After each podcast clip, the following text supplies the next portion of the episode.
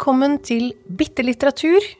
Vi er tilbake. Vi er tilbake. Ny fredag. Ny fredag! Fredag! Så da er vi klare for å gi dere litt uh, lettbeint uh, litteraturunderholdning. Ja, det er veldig bra. Og vi, det er da meg, Ingrid, og Meg, Torbjørn. Ja, Vi jobber her på biblioteket. det gjør vi. Um, og vi starter jo alltid med litt sånn uh, betraktninger eller nyheter eller litt sånne facts vi har funnet ut om bøker og litteratur. Ja. Hva har du gravd fram i dag, Torbjørn? Ja, du, nå har jeg vært, øh, jeg har vært på internett og leser. Oh. og denne gangen så leste jeg om øh, NRKs nye linje når det gjelder anmeldelser av kultur og litteratur. Ja, vi skal begynne med terningkast. Ja. Eh, og altså leste jeg at, eh, eller eh, fant kritikerlaget har jo gått ut og vært anti. Alle, alle kritikere, litteraturkritikerne liker jo ikke dette terningkastgreiene. Og mange forfattere er også mugne. Ja, det er meget kritisk, og det er hva de sier her, at, at uh, i juni så ble det klart at NRK skal ha terningkast, ja. Uh, og de sier vi kritikerne av scenekunst, litteratur og visuell kunst ønsker ikke terningkast i anmeldelsene vi skriver. Vi er lei oss over å ikke bli hørt i denne saken, for nå skjer det, nå blir det terninger overalt. Så det er godt, og det er at de mener at det blir for, um, det blir for lett, eller altså det blir for enkle versjoner, da, og at klikkene og salgstallene med terningene er det som trumfer liksom innhold og um, Ja, de frykter vel at, liksom, at leserne skal bare se på terningkastene Ja. og ikke gidde å lese anmeldelsen, eller hvis det blir en terningkast fire, da. Det er en ganske slunken Ja. Eh, Altså, det er jo egentlig en veldig bra, et veldig bra terningkast, men det føles slunkent, og kanskje man ikke da leser anmeldelsen. Altså, jeg, jeg forstår bekymringen, altså. Mm. Jeg gjør det. Og det, det, for NRKs ledelse sin argument var jo at uh, terningkast skaper klikk. Ja. Men jeg jo tror, som de sier, at det, en terningkast fire er noe som leser Jon Fosses terningkast fire-anmeldelse. Ja. Kanskje ikke. Nei. Så det Og så syns jeg det er vanskelig, fordi jeg veit at det her var en diskusjon i sommer, og da så jeg annet at eh, redaktøren i Fredrikstad Blad diskuterte med forfatter Monica Isakstuen Ja. på Facebook, og da kunne han vise til tall om at For de har jo anmeldelser med terningkast, og at det er like mye le, lang lesetid om det er med eller uten terningkast. Ja. Så det kan nok hende de har noe statistikk på at det, eh, det er likt sånn lesemessig, men jeg tror nok også litt av kritikken er det det blir litt sånn simplifisering. Altså NRK har vært liksom siste instans som ikke har gitt dette terningkastet, som kanskje kan bli litt sånn Ja, blitt litt sånn um, tabloid, da. Ja. De har bare hatt liksom Ordene har fått stått på egne bein, men nå skal de også gi terningkast. Jeg så det var vel Mytting som fikk den første. ja det, Debut på terning. Ja, ja, det er ikke det verste, det anmeldelse. Ja, vår første eh, terningkast på NRK Ja. på bok. Ja. Og det var Mytting som fikk en femmer. Fikk en femmer. Ja, ja. ja. Nei, det er akkurat det. det blir jo, de er jo redde for at det skal ta vekk nyansene Ja. i anmeldelsene og i verket, og at du skal tallfeste et kunstnerisk verk, som er jo en håpløs ting i utgangspunktet. Ja, ja. Det, Det er jo det. Eh, så ja, nei, det er en spennende diskusjon. Ja, det har opptatt meg litt da, de siste dagene. Så det- Jeg leste saken sakene også, og syntes det var spennende. Ja, ja, absolutt. Hva er det du har med for noe snadder fra eh, samfunnet? Ja, nei, du vet hva, jeg har tenkt litt på litt sånn betraktning om det her med mm, det her med dikt. Dikt, ja. Ja, for jeg så det var en eh, sak, nå husker jeg ikke hvor jeg så det, men hvor det var litt sånn diskusjon rundt hvorfor vi har den lille bremsen. Altså veldig mange er litt, ki- litt sånn, ikke negative nødvendigvis til å lese dikt, men vi bare gjør det ikke. Og jeg er, jeg er synder der selv, altså. Jeg er i samme målgruppe, Ja, ja. og jeg er jo en person som på en måte er glad i litteratur, leser masse litteratur, er men, men så har, Og jeg har lest noen diktbøker, men det er liksom Hvis jeg ser det er en diktsamling, så, så har jeg en tendens til å legge den bort. Ja. Og så har jeg gjort meg noen betraktninger selv på hva det kan komme av. Altså, en av tingene som veldig ofte trekkes fram, er jo nettopp det med den gode gamle diktanalysen som tok livet av all leseglede. ja. Det, Den, den finnes jo på en måte ikke lenger i skolen i dag. nei, gjør den ikke? Eh, Ja. nei, ikke på samme måte. Når forsvant den? Nei, altså, jeg husker at jeg hadde den sjøl. LK06, er det? Men jeg vet i hvert fall at uh, jeg selv Ja. eh, ikke har undervist på, verken på liksom, mellomtrinnet eller ungdomstrinnet uh, i diktanalyse sånn dypt pløyende. Eh, sånn, sånn det er kun et riktig svar, sånn som norsklærerne var før i tiden. Um, men at man lærer å lese eh, ulike tekster og prøve å tolke det fordi at man ikke skal bli lurt, på en Ja. måte. Og det er, en, det er jo nyttig, det er jo kjempenyttig å lese masse Kritisk lesning, Ja, rett ja. kritisk lesning av alt, også dikt, da. Ja. Men det har nok kanskje er kanskje det, det er ikke så voldsomt som det var med sånn diktanalyse som var liksom det vi frykta vi Ja, og det ble selv. spilt opp òg, det er akkurat det, når du får den der diktanalyse. Mm. Og så er man kanskje litt redd for å ikke forstå at det veldig ofte kan bli litt sånn høytsvevende. Ja, det er et godt poeng. Men så har vi jo fått en ny Altså poesi har jo fått en ny oppsving med sånn som Trygve Skau og Alexander Fallo og sånn på Instagram, sånn instapoesi.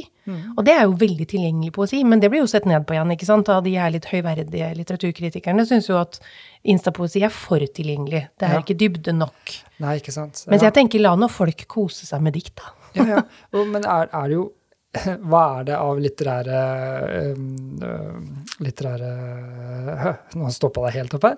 Kan ikke hjelpe deg, eller? Vet ikke hvor du akkurat det. Eh, Sånn er det. Av og til når du sitter på mikrofonen, så må du også klare å tenke samtidig. Nei, men altså, litterære uttrykk. Ja. eh, er jo, Dikt er jo det som egentlig er best egna for den eh, mediehverdagen vi er i. Når Ja. ting skal være kort Ja. og kompakt og kunne summeres opp ganske fort. Så man skulle jo tro at dikt burde få en stor renessanse ja. Blant annet i sosiale medier, og de har jo på en måte fått det for, Ja. på det folkelige tilgjengelighetsmessige planet. Det har det. Og så kan man jo si at kanskje de litt mer sånn De tyngre diktene kanskje ikke får den samme plassen i, i, på Instagram. Men, men samtidig så tenker jeg det er jo plass til alt. Da kommer man på biblioteket og leser dem. Ja. Og så de diktene som på en måte treffer deg rett i solar plexus når du står midt i en litt hektisk hverdag, det er de som ligger på Instagram, og som faktisk egentlig fanger essensen av et, eh, et vanlig liv, da. Ja. Og skal, jeg, jeg syns ikke vi skal nedsnakke dem heller, men jeg tror kanskje det kan gjøre poesi litt mer tilgjengelig for folk. At Ja. det kan, når vi nå begynner å se liksom Insta-generasjonen når de blir voksne, da. Ja. Kanskje diktet ikke er like skummelt. Nei, det håper jeg ikke at det blir. Nei, for jeg skammer meg jo over at ikke jeg leser mer eh, poesi. ja, ja, ja, ja, det er akkurat det. Skulle lese litt mer poesi. poesi. Ja. men, eh, nei, men eh, og mer om dette senere i podkasten. Absolutt. Det er kult. Takk for oppdatering. Da skal vi bevege oss videre. Ja, da var det den eh, fantastiske, det fantastiske kapitlet. Jeg syns jo at kapittel er morsommere ord enn eh, spalte. Det har vi jo snakket om her. ja. Så det første kapittelet i dag eh, heter Stikkprøve. Og for de som ikke har hørt dette før, så er det altså at vi finner oss en bok som vi syns ser interessant ut, som vi kanskje har lyst til å lese, som vi ikke kan så mye om, og rett og slett bare tester om det er noe bra, Ja. eller ikke, eller hva det går i, ved å lese bitte lite grann. Så i En dag liten smaksprøve, rett og slett. Akkurat det der. Eh, I dag er det jo min tur til å ta med en bok som jeg syns ser interessant ut, og jeg har tatt med den her. Må vi jobbe? Oi, oi, oi! En innføring for det 21. århundre. Denne tittelen liker jeg. Ja, ja, ja. Det er et godt spørsmål. Eh, Poenget med den er den er en del av en større, det er en større serie um, som jeg har sett på før, som heter Store spørsmål. En del Ja. av det er oversatt, eh, men eh, de, de, er gitt ut, de er gitt ut på engelsk. da. Ja. Og altså, de får eksperter til å snakke om uh, ulike temaer. og Jeg har annet en sånn blir, 'Gjør digitale hverdagen oss syke', har jeg, som jeg kjøpte Ja. sjøl på, på Tate i London. Oi, Hei. fint skal det være. Ja, ja. Og det er samme serien, da. Så den her heter 'Må vi jobbe'. Eh, så jeg tenkte jeg skulle lese litt eh, fra den. Det er jo litt spennende med sakprosa i denne spalten, fordi det er jo på en måte veldig det blir jo Ting blir dratt ut av kontekst Det gjør når man leser sak eller fag, fag på samme måte, så det må, må tas med et lite klype salt her. At dette er et utdrag som sikkert har et resonnement som blir forløst, etter, og ja. både for og etter. Mm. På en måte, så jeg har liksom ikke hoppa midt inn her, men uh, nå er jeg på side 11 i liksom en del av introduksjonen. Skal vi lese hva som er her greier. Hvis formålet med livet er å realisere seg selv på et eller annet vis, kan det se ut som om denne form for arbeid vi har vært minst i stand til å skape sammen, er den formen vi innerst inne trenger. De fleste mennesker syns at det, lønnede arbeidet deres er helt greit. Men ifølge det globale meningsmålings- og analyseinstitutt Gallup, som mange arbeidsgivere lytter til, sier bare en liten minoritet at de er fullt ut engasjert i arbeidet sitt. Og selv om omtrent tre firedeler av innbyggerne i Storbritannia mener de har et godt nok velferdsnivå, er det kanskje få av oss som også kan si, nei, av oss som kan si at vi virkelig er i stand til å nå vårt fulle potensial. I kjølvannet av koronapandemien har mange måttet endre arbeidsrutinene sine. Spørsmålet om hvordan vi kan oppnå en best mulig balanse mellom jobb og fritid, var også relevant for koronakrisen, og med pandemien gikk vi stadig flere fleksible løsninger, både med tanke på arbeidstid og sted. Spennende. Ja, jeg stopper der. Det går jo Det var jo ikke noen eh, punktum. Nei. Er det er Gert sånn Nygaardshaug som har skrevet den?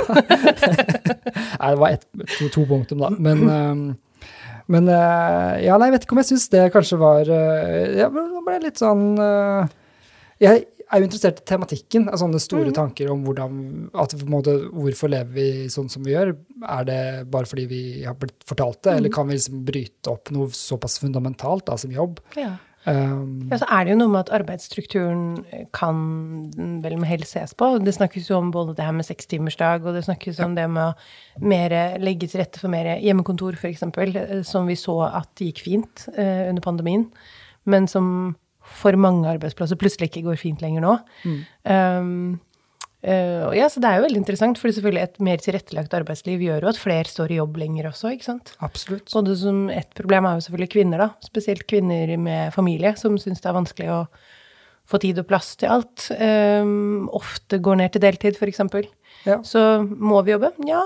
Ja, det er spennende. Ja, også, jeg syns ja, det er og så- interessant. Og så er det, for det, det jeg at den, den skal ta for seg ganske mye aspekter av dette her, Mhm. men det som i det utdraget som de påpeker der, er liksom hvordan vi skal tenke rundt dette med lønnet arbeid, den, mm. og den, hva det gir oss, da, hvor givende det er mm. i forhold til hva er det som faktisk gir livet mest mening, og finne mm. den balansen, hvor lite må vi jobbe i forhold til livskvalitet. Så, så, som, så, som du sier, flere kvinner går ned i stilling fordi Mhm. at de ser større Altså de ønsker å prioritere større ting Ja. ved å være hjemme, fordi det er de Altså noen må være hjemme, og så er det kvinnene som tar det kallet mest seriøst, kanskje. Eller Ja, eller statistisk fall, sett, da. ja, eller sånn, hva skal jeg si, samfunnsmessig så har det blitt sånn.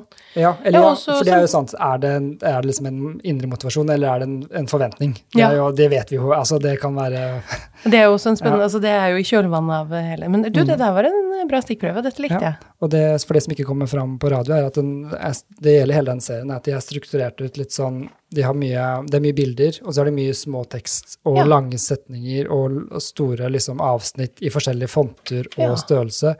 Uh, Veldig tilgjengelig. ja, det er veldig tilgjengelig, og jeg føler at de på mimiserer liksom litt uh, internett, på en Ja. måte. Hvordan ting Ja. vi er vant med at det er strukturert opp i, liksom, i bits, Ja. mer enn at det er en sammenhengende tekst. Og som en slags sånn samfunnsfag, fagbok, Ja. på ungdomsskolen. Sånn kan det også se ut. så den serien er ganske kul, altså, hvis man liker det litt sånn oppstykka og liksom presise liksom, formuleringer i avsnitt, liksom, og baserer seg opp som et slags puslespill. Da. Så Spennende. det er kult. Nei, men det, den er interessant. Ja. Ja. Ja. Da er vi over på kapittelet som heter Sjangerbløffen. Det er bløff à la sjanger. Ja, i dag så er det jeg som skal bløffe deg. Ja. Uh, og jeg um, I dag har jeg valgt å uh, lage en litt kort introduksjon. ja. Men uh, jeg skal gi deg et lite hint på. Og det er ikke for å være grei, men fordi jeg tror det kan hjelpe. for det er litt for å være grei mot lytterne våre. Men jeg kan si så mye som at boka er begynner å bli ganske gammel. Ja. Eh, ikke, ikke klassiker oldtidsbok, men den er eh, over 20 år. Og eh, introduksjonen den går sånn her. En ung mann vender hjem og finner at ingenting er sånn som det var. Og nå må han prøve å tilpasse seg denne nye verden, hvor han har blitt en slags ufrivillig kjendis. Men hvordan? Oh, men hvordan? Men hvordan? Og når? Ja, cirka. Altså, denne boka kom i 2002. Ja. Ja. Ja, ja. Åh. Nei, dette her kan jo gå Ja, nå skal jeg først og fremst bare finne ut hvilken sjanger det er, men jeg er kjenner jo at dette er en bok jeg burde vite hva er også. Jeg, jeg har en mistanke om at du kan ha lest den, Ja. eller, eller eventuelt hørt den. Ja, nettopp, nettopp. Og da er du ekstra flaut hvis man ikke klarer verken sjangeren eller Ikke hvis du leste den for 20 år siden. Nei, det er sant. Ja, det er interessant, da. Det er en, eh, åh, det er en, men det er en intrigende pitch. Det er, jeg har Ja. lyst til å lese denne boka. Ja, Og det er jo en god den er å anbefale. Jeg syns Ja. den er Ah, fornøyelig. Kan det være, ja. Ah, Har vi oppfølgingsspørsmål? Ja, det syns jeg. Kjør på. Er det en norsk bok? Det er det. Oi. Komme hjem og ingenting er som før. Jeg får jo sånn der eh, Jeg får jo lyst til å si Doppler, liksom. At det er, men det er ikke den. Men det er et eller annet Ja Jeg sier jo at det er en roman, da, bare for å safe. Ja, altså Men jeg tror ikke jeg klarer Jeg tenker at eh, romanen altså, Du skal få et halvt poeng for det. Oi. For vi er, vi er jo i skjønnlitterær Ja. eh, verden. Ja. Men det er altså um, sjangeren er humorbok. Ja, så, det er, ja, så Erlend Loe er jo Får jeg et kvart poeng for Erlend Loe hvis det ikke er Erlend Loe? Eh, ja, altså du er Jeg, jeg føler jo at du, du er liksom inne på det. Men eh, vi har snakka om han i en tidligere podkast hvor jeg anbefalte stemmen hans. Ah, det kalve! Ja, Bibelen 2. Bibelen 2! Ja. Ja! Den har jeg jo ikke lest. Har du ikke er lest Bibelen 2? Ja, men det, men, det, men det burde ha gjort det. Altså, det, det, var, det er bare en av de som har måttet Ok, men det var litt ærlig. Det var da har det, ikke, ja, det hjelper når du For stoltheten sin skyld. Ja. Nei, du, altså Bibelen 2 den kom i 2002, eh, og for de av dere som ikke har lest den, eh, eller ikke kjenner til den, så handler det da om at denne, denne unge mannen som vender hjem, det er da Jesus Kristus. Og han vender hjem til jorda og havner i eh, Lørenskog. Tilfeldigvis. Eh, han sjekker inn. Ja. Ja, verdens navle.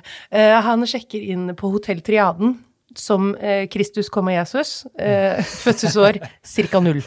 Eh, og boka er i utgangspunktet Det kan jo høres ut som det er religionskritikk, men det er det overhodet ikke. Det er rett og slett en satirisk blikk på hvordan vi som samfunn hadde sett ut hvis Kristus faktisk kom tilbake på ekte. Ja.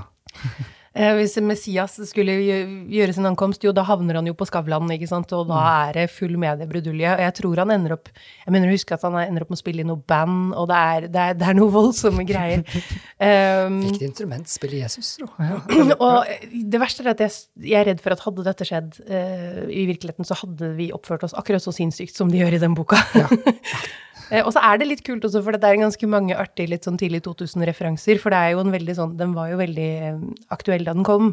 Blant annet det at han er på Skavlan da, ikke sant. Som Ja. Skavlan har jo lagt ned. Eh, men eh, eh, det er en del Ja, var det sånne- først og sist, da? Det het uh, Ja, det var, Var først det? og sist. Eller var det Først og sist først, og så var det Skavlan sist. Ja.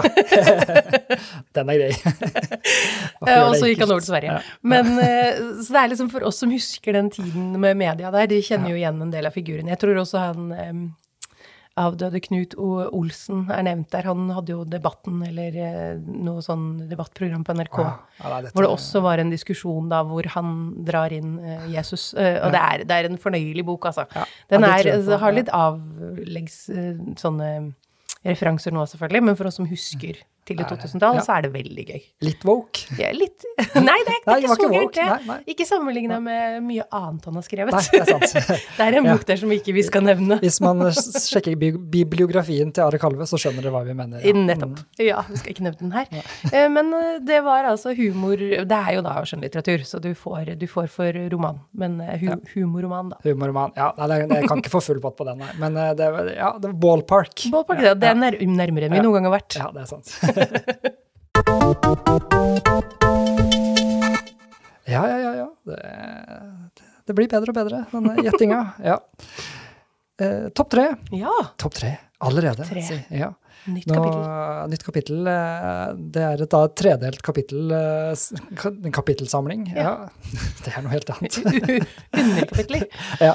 Eh, vi skal jo ha med oss en topp tre annenhver gang. I dag er det jo min tur. Eh, jeg har med meg ganske eh, Ja, si ganske det, det føltes veldig åpenbart da jeg lagde lista, men så tenkte jeg at det er kanskje verdt å dele den, fordi det kan være at det er noen andre som ikke er på dette toget.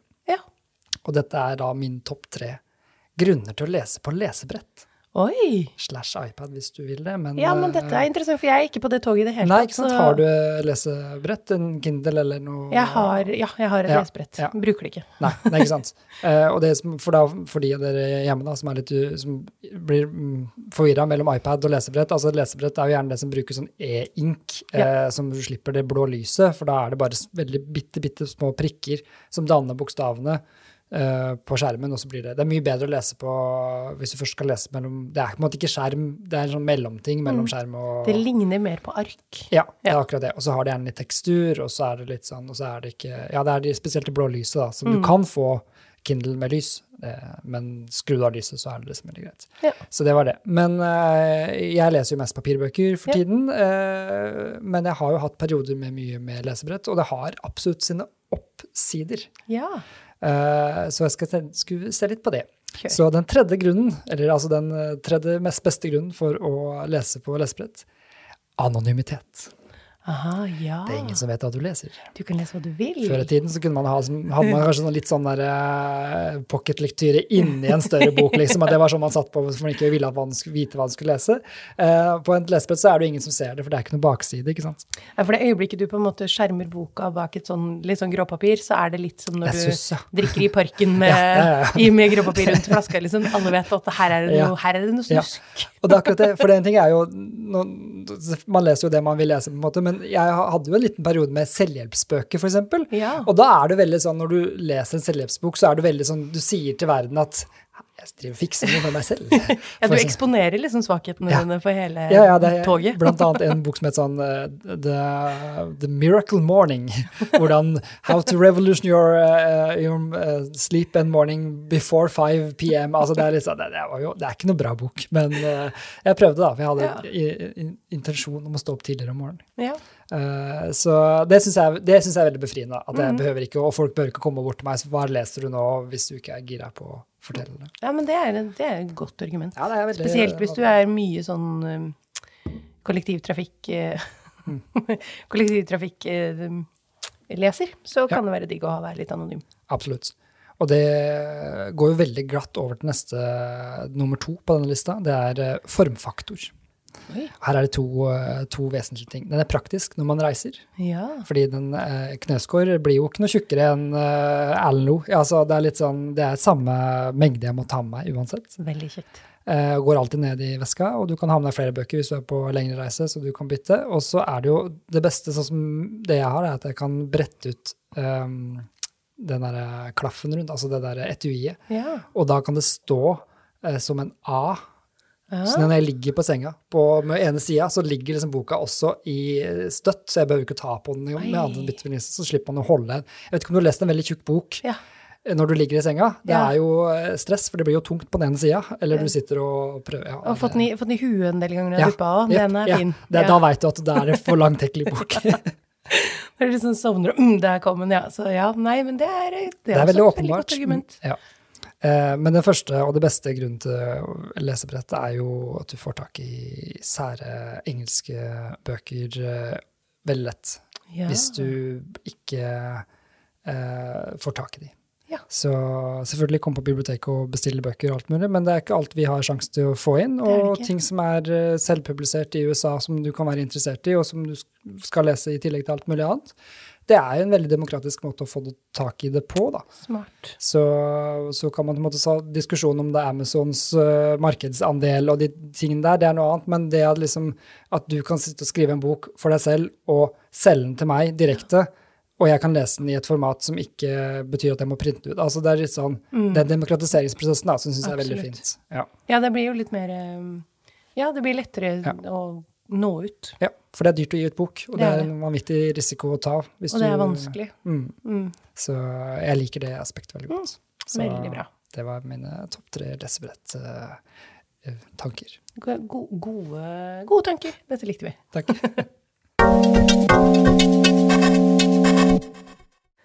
Nå Torbjørn, for å sitere en, eh, en radio, et radioprogram på P4. Nå skal det smelle. Det skal smelle? Nå skal Nå er vi på den kommersielle delen av programmet. Ja, Nå til er det min tur til å kassere, og denne, kasseres, gangen, ja. Eh, denne gangen skal det kasseres eh, for så vidt med glede, for nå skal den endelig ut av huset. Ja. Uh, men det er Det er ikke vemod denne gangen. Nei, det er det ikke. Um, fordi jeg satt og tenkte på hva skal jeg kaste denne gangen. Jeg titta litt i kasser og litt i hylla og sånn. Ja. Uh, og så kom jeg på at det er jo en bok her som jeg har glemt at jeg uh, jo må ha ut umiddelbart. Uh, og det er jeg, jeg, jeg, kan jo si boka først. Det er da Unge Werthers lidelser av Goethe. Ja. Eh, Johan Wolfgang Goethe. Johan Wolfgang. Eh. Ja. Og jeg er jo med i en leseklubb, eh, og vi har jo lest litt ymse. Det er litt aldersforskjell på oss, så det har gjerne vært litt trått for meg å lese en del ting der. Men så bestemte vi oss for at noen av klassikerne måtte vi jo ta. Mm. Så da var det denne vi gikk for. Den er altså så kjedelig, Torbjørn. Ja. Den er altså så grenseløst kjedelig. Og jeg skjønner at innholdet innhold i bøker er subjektivt, men den er, den er objektivt kjedelig.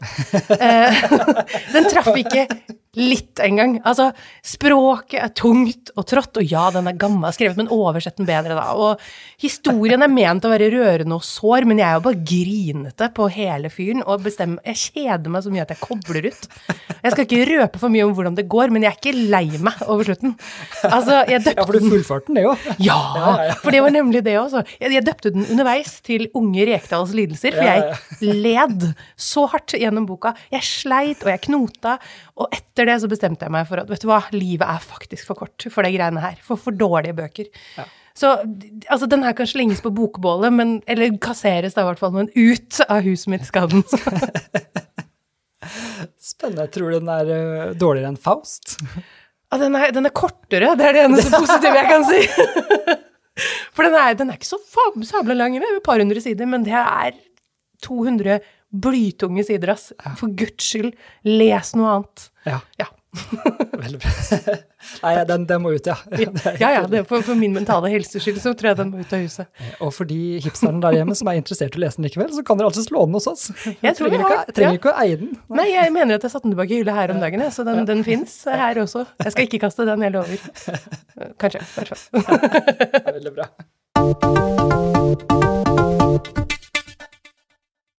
Oi, nei, det vet du. Åh, nei, det, det var um, åh, nei, Det var godt å få det ut. Ja, det, det kjente jeg kjente. Det var, eh, det, der var det mye agg. Det var litt forløsende bare for sakte. Ja. Ja, ja, det er godt. Det er, ja, ja, men det er jo fortreffelig gode radiooverganger du har her, men denne klassikeren eh, som du da vil kaste Ja. Jeg vil jo i ukas anbefaling, som ikke er enda... Hvis du enda- anbefaler Nei, eh, det er Unge ikke- Marters det er, ikke nå, vet du. det er ikke ukas anbefaling heller. Vi er ikke ferdige. Det er uh, ukas uh, bokutfordring. Ja. ja. som noen ganger kan Det er jo også en anbefaling. Ja. Uh, men eh, min utfordring til deg er jo da en klassiker Nå er jeg spent. fra 1897. Oi, oi, oi. Så jeg vet ikke om du har le lest denne, men du har kanskje sett filmen. Oi. Denne boken heter Dracula. Oh. Bram Stokers uh, originale. Oi.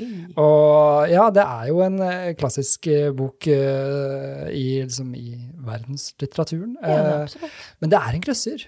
Det er jo en av de tidlige grøsserne. Og jeg leste den med litt sånn Å, den er sikkert tung fordi den er gammel. Det er den ikke. Oh.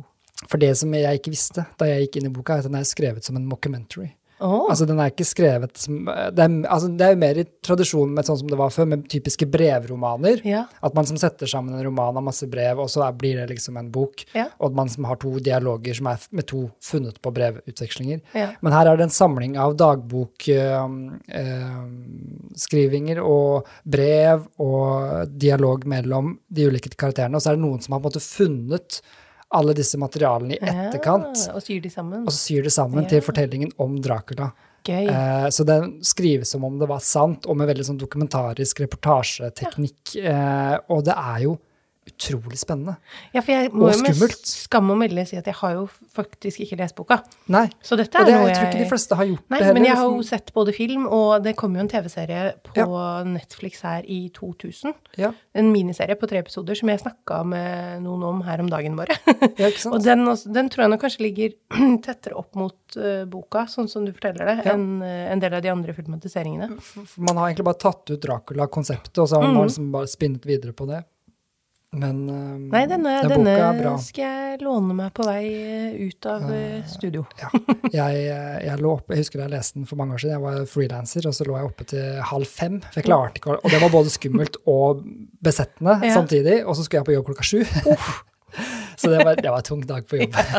Det tror jeg på. Så, Nei, du, dette likte jeg. det, Den, det er en god klassiker, i hvert fall. ja. Jeg regner med at jeg ikke kommer til å hisse meg opp like mye av den, så det er bra. Vi får se, da.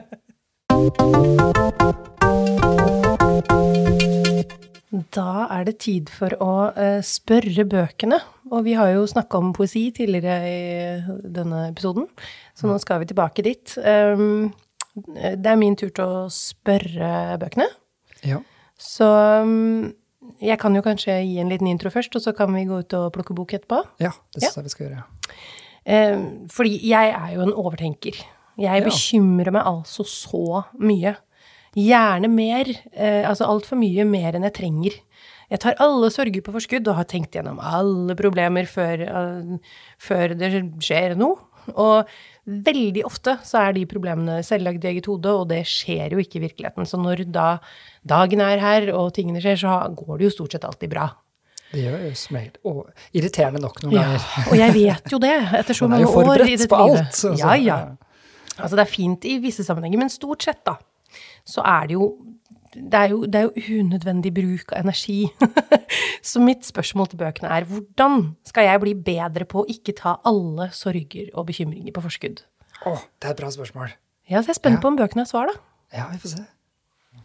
Uh, ja Har du forventninger nå, eller? Ja, jeg er veldig spent. Forrige gang så traff det jo blink for min del, så Ja, jeg satser på å få svar i dag igjen. Ja, jeg tror eh, at uh, vi skal begynne et annet sted enn jeg pleide å gjøre. Ja. se om Skal du peke, jeg preke? Du skal eh, preke, jeg skal Ja, preke. riktig. Da skal jeg snu meg. Så får du sette i gang. Og der sier jeg stopp.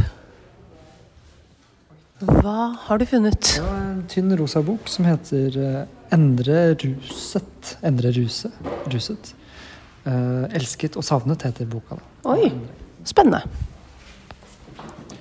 Da er vi tilbake her. Eh, Jeg klarte jo selvfølgelig å rote til navnet på denne forfatteren. Ja. Jeg skal, nå har jeg lest det ordentlig. Eh, Det er jo Endre. Endre Ruset, eller Ruse. Jeg er litt usikker på om man sier Ruse eller Ruset. Eh, Eller Eh, Ruset. Ruset, ja, ikke sant? Ja. R-U-S-E-T. Jeg har ikke hørt om han før, men uh, jeg trodde jo det første var tittelen når det står 'endre'. Ja. Eh, Det hørtes ut som en diktsamling, at man skal sant? endre noe. Men uh, han har i hvert fall skrevet uh, boka eh, som heter 'Elsket og savnet'. Oi, oi, oi. Så det er jo tittelen her. eh, Dette så blir spennende. får vi se da om vi klarer å finne noen sider og noe eh, avsnitt. Er du klar for å gjette? Jeg er klar for å si stopp. Stopp. Ok. Yes. Da får du Når jeg har funnet siden, ja, så Ja. får vi se om vi finner uh... Stopp. Nå er jeg spent. Ja, det må bli hele strofen, faktisk. Oi. eh, For det er Ja, den er litt Ja. Men Kjør du kjører spørsmålet, og så skal, Ja. få, skal du få svaret. Hvordan skal jeg bli bedre på å ikke ta alle sorger og bekymringer på forskudd? Hun tar fyr, reiser seg, faller, reiser seg, løper, snubler, faller, ruller rundt på asfalten og vet ikke. er ikke det man gjør når man overtenker, da? Ja, altså, denne personen der hopper jo bare i det, åpenbart. Ja, men man er redd for at ting tar fyr, og man er redd for at man skal dette. Og så må man komme seg opp. Ok, hva gjør jeg hvis jeg detter? Da må jeg opp, og så må jeg løpe, og så må jeg snuble litt da, og så vet jeg, så vet jeg ikke hva jeg skal gjøre. Ja, fordi vedkommende som faktisk står i det, virker som om bare Nei, men det brenner seg, jeg bare løper, og så bare. Å, jeg vet ikke. Så Det det er, er kanskje, kanskje det er det som er svaret, da. Ja, bare Ta det litt som det kommer. druse på. Ja. Ja, jeg vet jo egentlig det, da, men eh, Ja. Men, det, men det står også her 'og vet ikke'. Og vet ikke, ja. Så det, du får jo altså, ambi, ambi- jeg føler vel egentlig at det var sånn Du bekymrer deg? Her har du mer å bekymre deg Ja. for. Har du tenkt på at ting kan ta fyr? Ja, du kan sant. falle. Du kan dette på asfalten etterpå. Husker jeg plugget den, skrudde av kaffetrakteren, ikke sant? Så er vi i gang. Den der skjøteledningen som ligger her, som vi snubler i på vei ut etterpå. Ja. Nei, det er sant. Det, Ja, jeg fikk et svar, men jeg vet ikke om, jeg, jeg vet ikke om det hjalp noe. Men jeg fikk et svar. Ja. Det kommer an på hvordan man tolker det. Man kan altså tenke at jeg skal være som eh, hun i disse, denne strofen og bare løpe og falle og bare løpe videre og ikke bry seg. Riste det av seg. Gå Ja. videre. Ja. Ikke bekymre seg før man faller. Mm. Um, eller om det bare rett og slett er her har du en serv servert flere bekymringer. Det kommer litt an på hvordan man tolker det. Kommer litt på dagsformen. Ja, det, det er jeg enig i. Ja. ja, men eh, artig. Artig.